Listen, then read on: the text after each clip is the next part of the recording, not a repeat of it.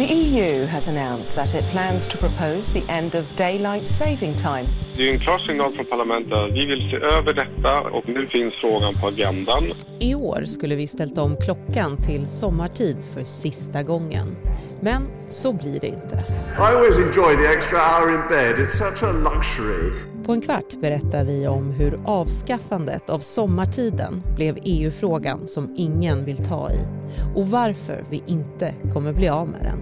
Jag skäms lite för att man inte, inte nådde dit. Jag heter Karin Bülow och du lyssnar till Dagens Story Sommarspecial, en podd från Svenska Dagbladet.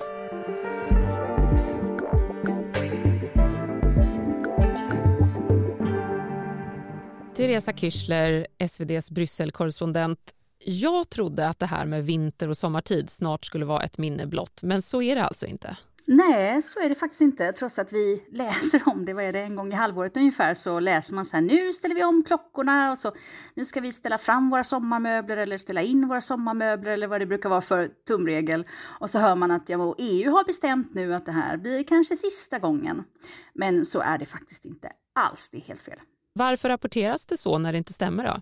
Jo, men det är faktiskt lite det här svåra som, som vi har som EU-korrespondenter, att få ut här, vem som gör vad helt enkelt inom EU-samarbetet. Det finns en, ett beslut i EU-parlamentet där man har röstat, de är 700 någonting ledamöter som har röstat om att man tycker att varje EU-land måste bestämma sig för antingen eh, sommartid eller, eller normaltid som, som det heter. Men EU-parlamentet har ju liksom inte den makten. EU-parlamentet röstar om massa saker hela tiden. Men det betyder inte att det blir därför att de som ännu inte har sagt ett knyst om hur de ställer sig i den här frågan, det är ministerrådet. Och ministerrådet är ett sånt där ord som alla reportrar borde undvika så mycket de bara kan. För att det låter som att det skulle kunna vara liksom någon slags eh, kommitté eller någon grupp eller någon, ett gäng människor i ett hus i Bryssel. Men det är ju de 27 EU-länderna och deras regeringar som är ministerrådet. Så att ministerrådet har inte bestämt sig. Det betyder Angela Merkel och hennes regering har inte bestämt sig.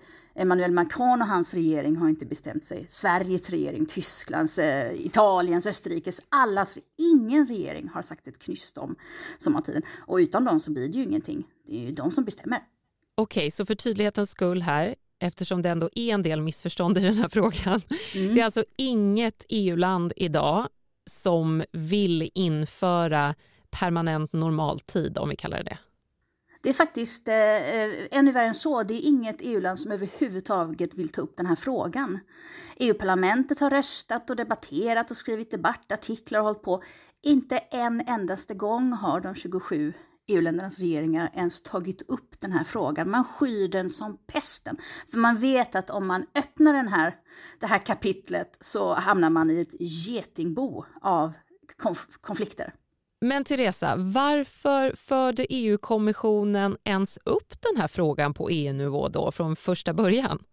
Jo, men det här är intressant. Man, man tycker liksom inte att EU-samarbetet får någon folklig uppmärksamhet. Det, det är svårt att få européerna engagerade i kemikalielagstiftning och eh, handelsavtal med Sydkorea eller fiskerikvoter för Nordsjön. Det är liksom ingen som bryr sig. Så att när EU-kommissionen då, som har den här rollen att liksom vara den här stora europeen, spindeln i nätet som försöker få oss ihop med lagar och tankar.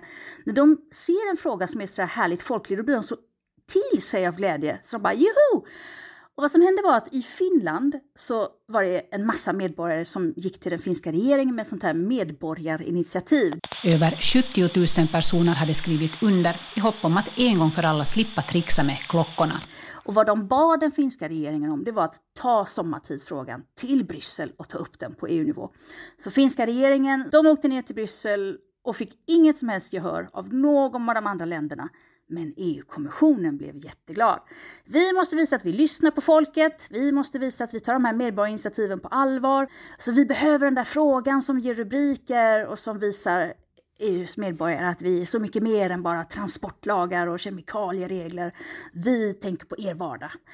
Men däremot så tycker EU-kommissionen att man ska få välja om man vill ha sommartid eller normaltid. Men man måste välja ett i alla fall. Och EU-parlamentet röstade sen för det här.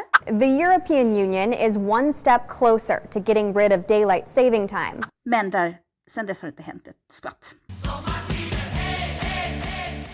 När EU-kommissionen då lyfte upp frågan om att slopa tidsomställningen precis innan EU-valet 2019 så uppmanade man också EU-medborgarna att säga sitt i en undersökning på nätet. It was us that wanted a public consultation following up the uh, European Parliament resolution on this same subject. Av EUs 446 miljoner invånare så svarade 4,6 miljoner personer. It is the highest number of responses ever received in a commission public consultation. 80 procent av dem ville slopa tidsomställningen. Alltså om man tittar på de som gick in på den här enkäten så var det nästan uteslutande eh, tyskar, svenskar, balter, finnar, alltså från den nordligare delen av Europa, det vill säga de länder där det här verkligen eh, varje år blir en stor fråga. Det handlar om, eh, ofta så säger man att vi behöver mer ljus för jordbruket, alltså korna mår inte bra av omställningen och sånt där. Och det är klart att om, om liksom föreningar och människor som redan är engagerade i en fråga, att de går in och sen tycker till om den här enkäten för att de vet att den där enkäten finns. Det är inte så konstigt. Frågan är ju hur många restaurangarbetare i Cypern, Grekland, Spanien, franska rivieran som gick in och röstade. Och en stor del av motståndet till att eh, ändra på de här tiderna, det är ju de länder i Europa som vill ha den där extra soltimmen på kvällen, för de har sin turismindustri. De vill att folk ska kunna beställa några drinkar till en timme till på, på, på solterrassen eller hyra en solstolar i en timme till. Och, och där är skillnaden. I, I norra Europa så vill vi ha mer sol på morgonen och i södra Europa så vill man ha mer sol på kvällen. Så det här är en geografifråga? Det är också en geografifråga. För, för, för, liksom EU-samarbetet så är den stora frågan att ingen vill ha ett virvar. Så att ett land kan säga så här, ja visserligen så är det min linje som vinner just nu i EU. Vi vill ha fler timmar på, soltimmar på kvällen. Men det landet kan ändå säga så här, men jag föredrar ändå att inte ens ta den här frågan. För att om risken finns att det blir skitkonstigt för oss med tider och sånt där tvärs över Europa, då vill jag inte ha den frågan alls. Men annars är det också en geografifråga. Det finns såna här undersökningar om till exempel trafiksäkerhet när man ställer om tiden. Så att i, i Sverige så har det kommit då fram att när vi har för lite ljus på morgonen, väldigt mörka vintermorgnar där folk kör bil så sker det fler olyckor för att de är, det är mörkt, det är grumligt, de är sömndruckna, inte riktigt vakna och det är jättefarligt för trafiken. Exakt samma trafiksäkerhetsundersökningar finns då i södra Europa där man istället har tittat på vad som händer när folk kör hem på kvällen från kanske sina jobb, man jobbar sent på en restaurang till exempel. Och man kör hem när det är för mörkt i skymningen istället. Och då sker det fler olyckor där då. Så det är ju ren geografi. Vi, det är inte samma förhållande med ljus och, och mellan nordligaste Norrland och, och, och, sydligaste Italien. Vi har inte heller samma tidsrytmer i vilket fall. Jag menar i Spanien äter man middag mellan 9 och 10 på kvällen.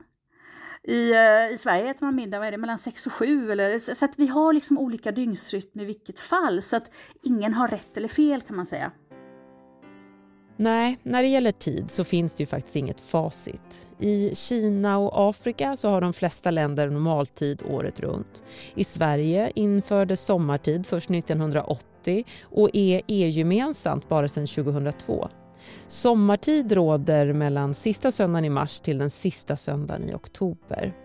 Och vintertid, eller normaltid som det också kallas, har vi haft sedan 1879 i Sverige. Innan dess kunde klockan skilja sig uppemot en halvtimme mellan landets östra och västra delar. Järnvägen och resandet som det förde med sig pekas ut som huvudanledningen till att en central normaltid sattes för hela landet. Jag vet att du har gjort eh, ja, men en grej av att fråga alla nya ordförandeländer i EU hur just de ser på det här med sommartiden. Varför gör du det och vad har du fått för svar hittills? Jag har gjort det till min eh, största arbetsdygd nästan, att eh, reda ut sommartiden för eh, våra, mina läsare i, i Sverige. Det, det började som ett skämt nästan. Men ja, alltså, varje halvår så är det ett nytt EU-land som styr ministerrådet, alltså de här som lägger dagordningen och kalendrar och för upp olika ämnen på, på tapeten inom då när regeringarna träffas de 27. Och eh, det här föreslogs då 2018 kom eh, EU-kommissionen med sitt förslag om att alla EU-länder skulle behöva bestämma sig för antingen eller sommar eller normaltid. Eh, och sen dess så har det varit, vad blir det, två länder 2018, två länder 2019, två länder 2020. Men vi är på sju, åtta länder nu. Och jag har frågat varje nytt land så att jag frågar så här, excuse me sir, säger jag kanske, här är liksom Rumäniens EU-minister. Hur går det med sommartidsfrågan? Och eh, svaret jag fick från Rumäniens EU-minister var väldigt roligt. Han sa så här, ja men där tror jag att vi skulle kunna få full e-, enighet. Det kan bli en av våra stora segrar för Rumänien eh, under vårt halvår. Jaha, så jag, hur då? Ja, vi är helt eniga om att vi absolut inte vill prata om det här. det tyckte jag var väldigt roligt. Och sen har jag frågat liksom varje land och det är inget land som ens har lagt upp det på dagordningen. Så frågan är inte liksom bara konfliktiv, den finns inte. Då ska vi komma ihåg att inte ens Finland, när Finland hade då under sex månader ordförandeklubban och skulle fixa dagordningar och lägga upp ämnen och så och diskutera.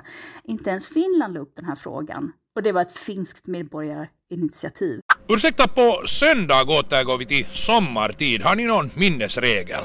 Nej, det, det, det var nog ett otroligt tjafsande om att vrida klockan här. Jag försöker ibland att eh, tänka, om du tänker en Europakarta framför dig. Tänk dig att du ska köra en container med ost från England, en sån här god cheddarost. Och så ska du ta färjan över till Antwerpen. Eh, och i Antwerpen så står det en lastbil och väntar som ska köra hela vägen till någon tjusig restaurang i Rumänien.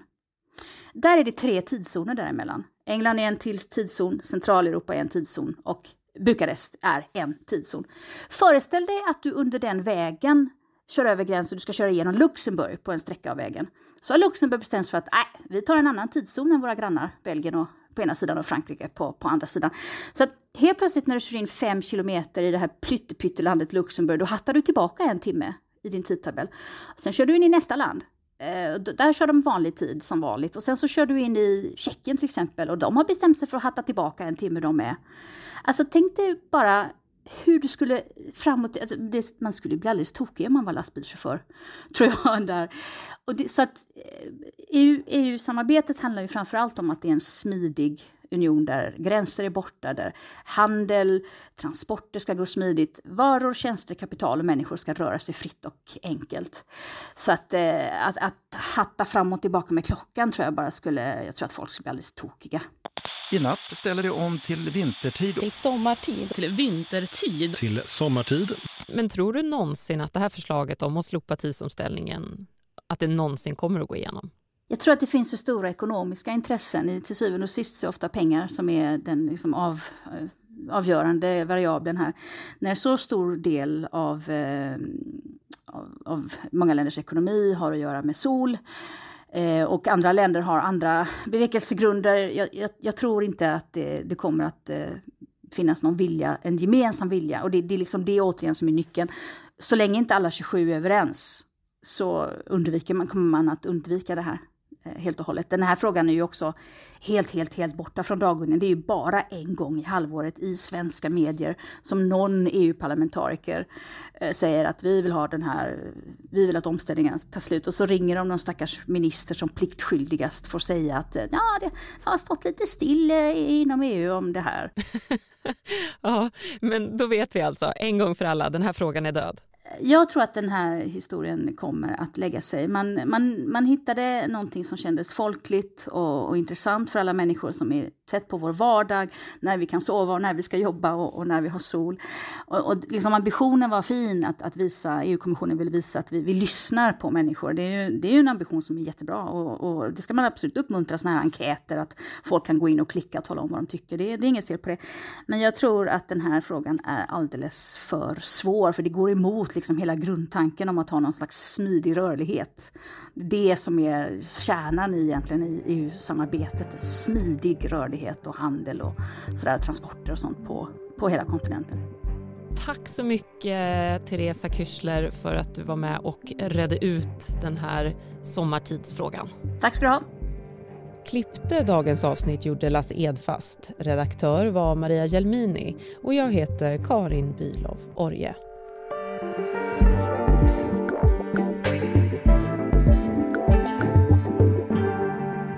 Dagens story från Svenska Dagbladet. Ett ämne, en kvart, varje vardag.